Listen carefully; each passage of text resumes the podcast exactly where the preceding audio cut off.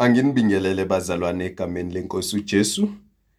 Eh ntambama nje kuyintokozo ukuba siphinde sabelane namhlanje na ngezwi likaNkuluNkulu. Eh izwi lethu la namhlanje sizolithola encwadini yamahubo 77 eh sizofunda uverse 1 wakhona sime kuverse 20 eh amavesi amade nokho kodwa ngiyathembisa angeke ngize ngibe mude kakhulu. Kufundeka kanje egameni lika Jesu Izwi lami ngiyakuliphakamisela kuNkulunkulu. Ngikhale kuNkulunkulu ukuba angibekele indlebe. Osukwini losizi lwami ngiyayifuna inkosi. Ebusuku isandla sami seluliwe asidangali umphefumulo wami wala ukududuzwa. Ngiyamkhumbula uNkulunkulu ngibubula. Ngiyazindla umoya wami uyaphela amandla. Uzibambile izinkophe zamehlo ami angavaleki. Ngikhathazekile angisakwazi ukukhuluma. Ngiyazizindla ngezinsuku zasendulo ngeminyaka yaphakade. Ebusuku ngiyakhumbula ukubetha kwami ugubhu. Ngizindla enhlizweni yami nomoya wami uyahlolisisa. Inkosi iyakulahla kuze kube phakade na? Ayisenakuphinda ibe nomusa na? Umusa wayo unqamukile njalo yini na? Isithembiso siphelile yini esizukulwaneni ngezizukulwane na? uNkulunkulu ukhohliwe ukuba abe nomusa na? Uvalele ububele bakhe ngolaka na? Ngase ngithi yilokhu kuhlupheka kwami. Ngokuba isandla sokunene sophezukonke siphendukile ngiyakukhumbula izenzo zikaJehova. Yebo ngikhumbule izimangaliso zasendulo. Ngicabange ngawo wonke umsebenzi wakho. Ngizindle ngezenzo zakho. Indlela yakho uNkulunkulu isebungcweleni ngubani onguNkulunkulu omkhulu njengoNkulunkulu na?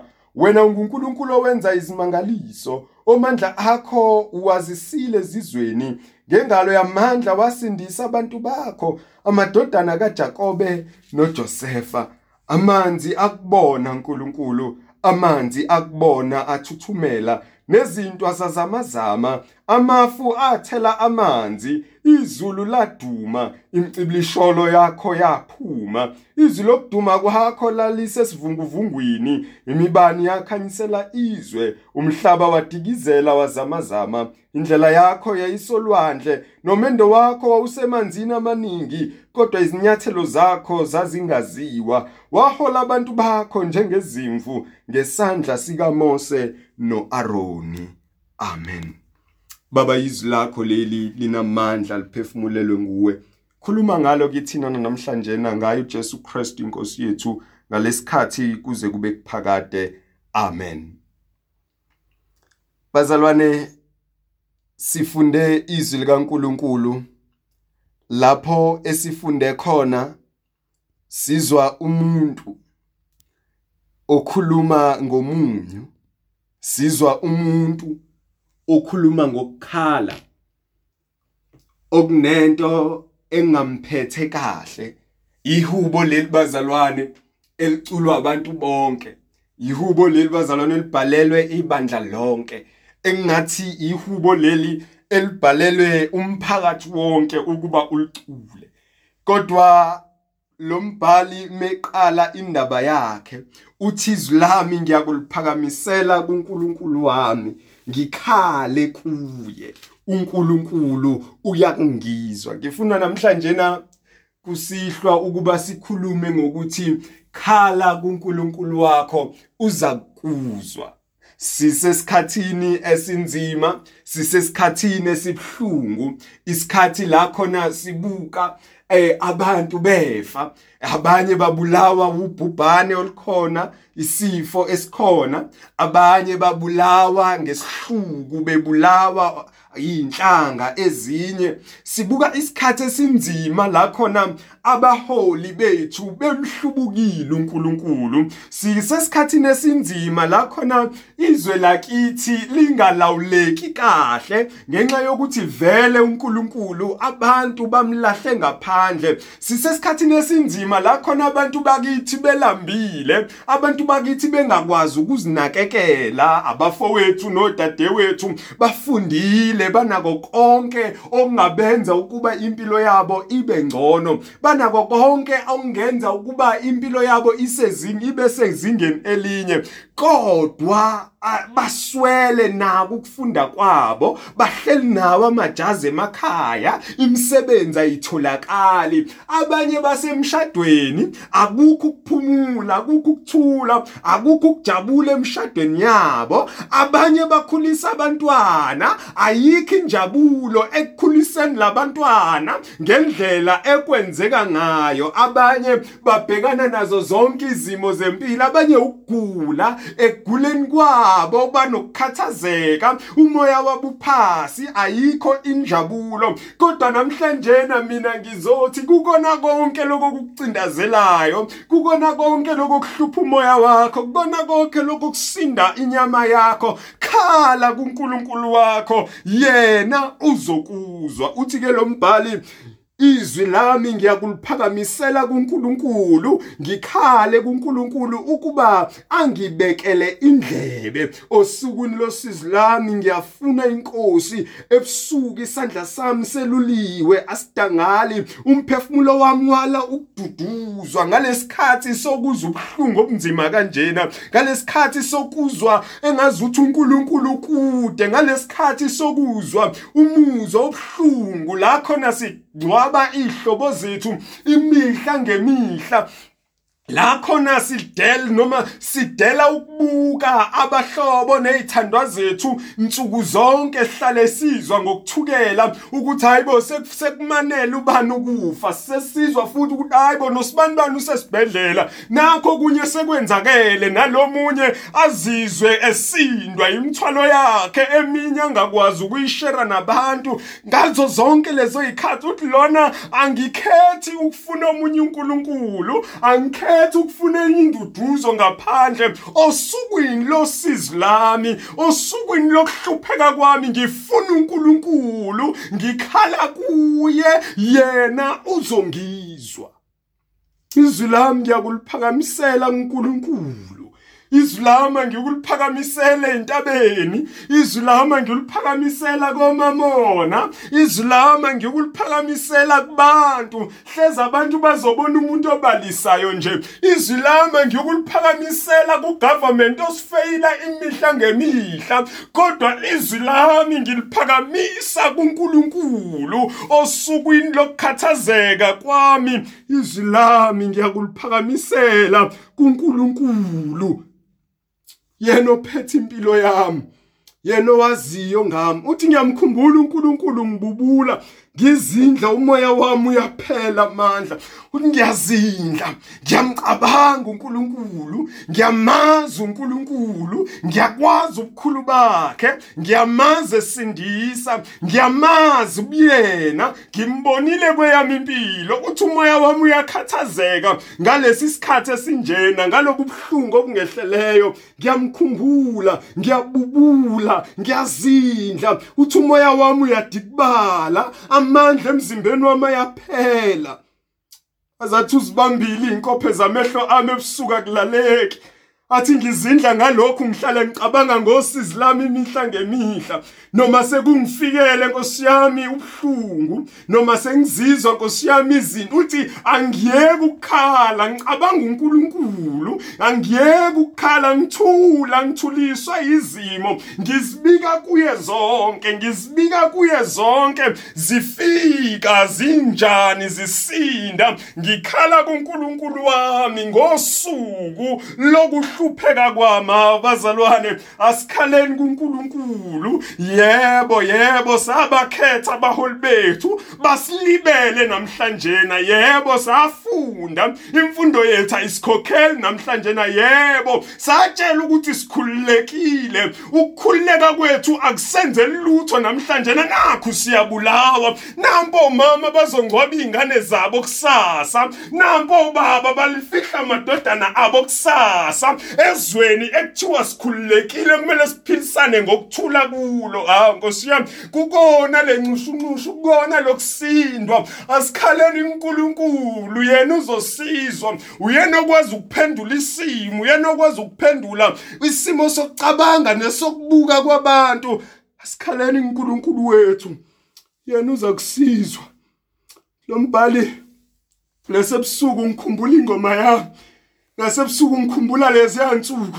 Ngisahlabelela ngentokozo ngiyohlangana nabangcwele endlini yokukhonza. Namhlanje sekunzima ukukwenza lokho. Ngikhumbula ingoma yami ngikhumbula ukuhlabelela kwami ngikhumbula ukunqoba kwami ngikhumbula isikhathi esesadlula. La kwakumnandi khona. Uzathi ke nkosi yami mecabanga lokho usethi inkosi iyakulahla kuze kube phakade na? Ngathi uthi inkosi yami sheshisa isikhathi sidlule kulobunzima ngathi uthi inkosi yami sheshisa isikhathi ubuyisa umusa wakho sik-enjoye forever. Nkosi yami kubhlungu kuyazwela kuyazwela kubhlungu sikhathazekile. Umbhali waleli hubo ngazi uthi umholi obhalayo angazi angazi bazalwane kubaholi banamhlanjena uthi angithi umholo isiphukuphuku umholi ongazi noma ongazwelani nabantu bakhe abaholayo. Abaholi bethu banathezekile bahleli kahle la behleli khona abantu babo bayafa bayabhubha. Qala ukwenzeka lokhu manje kudala kwenzeka abantu bayafa indlala abantu bayafa izifo abanakiwe kodwa abanabaholi. Yadlula nje. Thumusa wakho. Usawakho unqamu kanjalo yini na? Sithembiso siphelile yini esizukulwaneni ngezizukulwane? uNkulunkulu ukhohliwe ukuba nomusa na? Uvalele ububele bakhe ngalokhu na? Uthi izimo ezi around me, izimo engizibonayo zingenza ngivukele ile mbuzo, zingenza ngivukelwe ile ama questions empilweni yami. Uthi Nkosi yami ukhohliwe ukuba nomusa. Nkosi yami uyadedela ulaka lakho kuze kube kuphakade yini? Nkosi yami usodelile yini ngalesizukulwane? Nkosi yami usofuna kuphele yini ngathi? Cha bazalwane akumcasula uNkulunkulu lokhu ngoba kusenza kuyasivezela ukuthi siyamazi. Uma kuvula imibuzo enjena kuyakuveza ukuthi simbonile. Siyamazi ukuthi unamandla okusikhulula. Siyamazi ukuthi unamandla okusindisa asigwemele lezimo uthi ke phezukwa lezimo zonke phezukwa lembuzo yonke evumayo evukayo ngiyakuzindla ngalokhu. Ilokhu kuhlupheka kwami ngokuba isandla sokunene sophezulu konke siphendukile siphendukile sinjalo. Isandla sikaNkuluNkulu siphezulu kwami ukuba Nkosi yami nganele ijudgment kaNkuluNkulu ngenxa yobubi bethu ngoba sikaze sazuza ijudgment kaNkuluNkulu kungekho ububi. Uthi ke ngizakucabanga ngawo wonke umsebenzi wakho ngizindle ngezenzo zakho. Ngiyakukhumbula izenzo zika Jehova ngiyakukhumbula ukusebenza kukaNkuluNkulu okunamandla. Ngiyakhumbula uNkulunkulu ekhipha abantwana bakwaIsrayeli olwandle olubovu eGibhithe bawelisa ulwandle olubovu. Ngiyakhumbula mina engikuzwile ngawo uthi angifuni ukudwela kule ncishincishi angifuni ukuhlala ngibukele ezimo ezenzakalayo. Kodwa nkosi yami ngifuna ukuhlala kuwe. Kodwa nkosi yami ngifuna ukuzindla ngawe. Nkosi yami ngifuna ukuzindla ngemisebenzi yakho. Nkosi yami ngifuna ukubona insindiso yakho. Nkosi yami ngifuna ukucabanga ngeindlela yakho. Lena esebungcweleni athi ngubani onguNkulunkulu omkhulu ngifuna ukucabanga ngawe wena wedwa. Angifuni ukunikela impilo yami koNkulunkuluwana. Angifuni ukunikela impilo yami eh kwezinye izinto. Kodwa nkosi yami ngizobheka kuwe njenganesiso isisombululo senkinga engibhekana nayo. Ngathi uthi lo mbhali ngiyakhumbula. Wehla uza kumose. Uthi ngibonile ukukhandleka kwabo ngibonile ukuhlupheka kwabo. Manje ngehlile ukuba ngibophule esandleni sabacindezeli. Nkosi yami ngathi uthi lo mbhali ngifuna ukukhumbula lo nkulunkulu onjalo. Yes namhlanje awalokhala yes namhlanje awalosizi. Kodwa ngifuna ukukhumbula lo nkulunkulu uNkulunkulu onamandla ngifuna ukukhumbula kanjalo ngifuna ukukwazi kanjalo. Ngifuna ukwazi wena unguNkulunkulu owenza izimangaliso. Ngifuna ukwazi amandla akho uwazisile ezweni. Nengalo yamandla wasindisa ngayo abantu bakho abantwana bakwaIsrael uthi ngifuna ukwazi kanjalo. Uthi amanzi phela kubona ene uthi uthi amanzi akubona uNkulunkulu amanzi akubona athuthumela. Ahlehla bawelwa bangabakho ngathi uthi lo mbhali Nkosi yami wena wenza indlela la kubukeka khona engathi ayenzeki.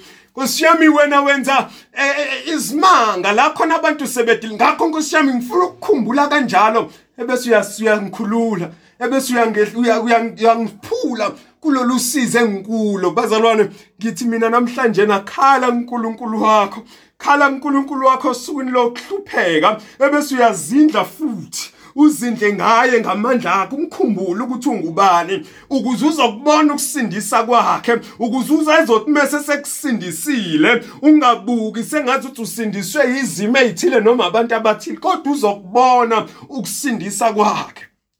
Khala uNkulunkulu wakho uza kubuzwa uthi wahola abantu bakho njengezimvu ngesandla sikaMose noAaron Uthi ngifuna ukukwazi unjalo. Ngifuna ukukwazi unguNkulunkulu okhululayo. Ngifuna ukukwazi unguNkulunkulu onamandla. Ngifuna ukukwazi unguNkulunkulu owenza imanga. Nkosiyama ngifuna ukukwazi nje unguNkulunkulu owahlulekayo ngoba uhluleki. Sike lo mbhali ngosuku lokuhlupheka kwami. Ngosuku losizi lami. Ngosuku lokukhathazeka kwami. Angizubheka entshonalanga. angizubheka empumalanga angizubheka eningizimu angizubheka e kuphi kodwa ngiyabheka kuNkulunkulu wami. Ngiyakubuka kuNkulunkulu wami futhi uzangizwa. Kasikhaleni bazalwane uNkulunkulu wethu. Simbikele konke okusikhathazayo simbikele konke okuhlukumezayo simbikele lonke usizi lethu. Lungele ukusizwa. Khala kuNkulunkulu wakho uza kuzwa. Kusona isikhathi sokuthula lesi kusona isikhathi sokubuka lesi akusona isikhathi sokusonga izandla lesi kodwa ukubuya sikhalela izwe lethu. Ukubuya sikhalele izingane zethu. Ukubuya sikhalele ontanga yethu ukubuya sikhalele obaba bethu nomama bethu abazali bethu. Ukubuya sikhalele imindeni yethu isikhathi lesibazalwane sokuba sicela uNkulunkulu aqoqe ibandla lakhe lihlangane. Isikhathi lesibazalwane sokuba sikhale uNkulunkulu ukuba uNkulunkulu akhulule izwe lethu akhulule ababa bethu akhulule izwe lokhokho bethu akhulule ngisho umnotho wethu. Isikhathi lesi sokuthi sithathe indawo yethu ke manje makholwa siveze kubantu ukuthi sikhonza uNkulunkulu ozwayo sikhonza uNkulunkulu olalelayo. Khalana sikhaleni asikhaleni uNkulunkulu wethu. Yena uza kusiphendula sikhala kuwe Nkosi yami kusihlwa. Sikhala kuwe uNkulunkulu wethu egameni lika Jesu Kristu waseNazaretha. uNkulunkulu wethu onamandla onke asifuna ukukhala komunye. Asimfuna omunye uNkulunkulu ngoba akekho njenganawe akekho ongasilalela sizwe wena kuphela. Siza kuwe Nkosi yami nezwe lethu elishayo. Siza kuwe Nkosi yami nabantwana bakho abamcabango yabo Nkosi yami. Iyabalisa egameni lika Jesu Kristu waseNazaretha ngenxa yokucabangela ikusasa ukuthi lisekhona yini ikusasa makunjena egameni lika Jesu Kristu waseNazaretha siza kuwe nezihlobo ezahlukene ngosiyami eh namalunga omndeni wabo uNkulunkulu wethu onamandla onke abanye bayafihla abanye balungiselela ukufihla ngezimo ezikhona ezweni lethu. Siyakhala kuwe Nkosi sicela usizo usithethelele. Siyaphenduka kuwe uNkulunkulu wethu onamandla onke bona ubuka izwe lakho. Ebese uyasiza uNkulunkulu wethu onamandla usikhiphe enkingeni esikuyo. Sicela inhlalakahle Nkosi yami sicela ukuthula ezweni lethu. Egameni lika Jesu owasiqokela lona baba wethu onamandla onke uthe Nkosi yami ezwini lakho sikhulekela ukuthula. Abakuthandayo bayakuphumelela kahle. Sikhulekela Nkosi yami ukuthula. Sikhulekela upholo obuqotho egameni lika Jesu Kristu waseNazaretha. Sikhulekela inhlanganyelo uNkulunkulu wethu ongcwele. Sikhumbula kangaka ukuba sendlini yakho ukukhonza egameni lika Jesu sithwale sivikele silondoloze ngayo uKristu. Usindise Nkosi yami konke egameni lika Jesu uthatha udumo nenkazimulo namandla nobukhosi kusukela ngalesikhathi kuze kube kuphakade. Amen. Musa wenkosi yethu Jesu uthando lwaNkulunkulu Baba Hlanganyelo kaMoya Ngcwele makube nathi sonke kusigcine kusilondoloze azafika uKristu Jesu inkosi yethu manje naphakade. Amen.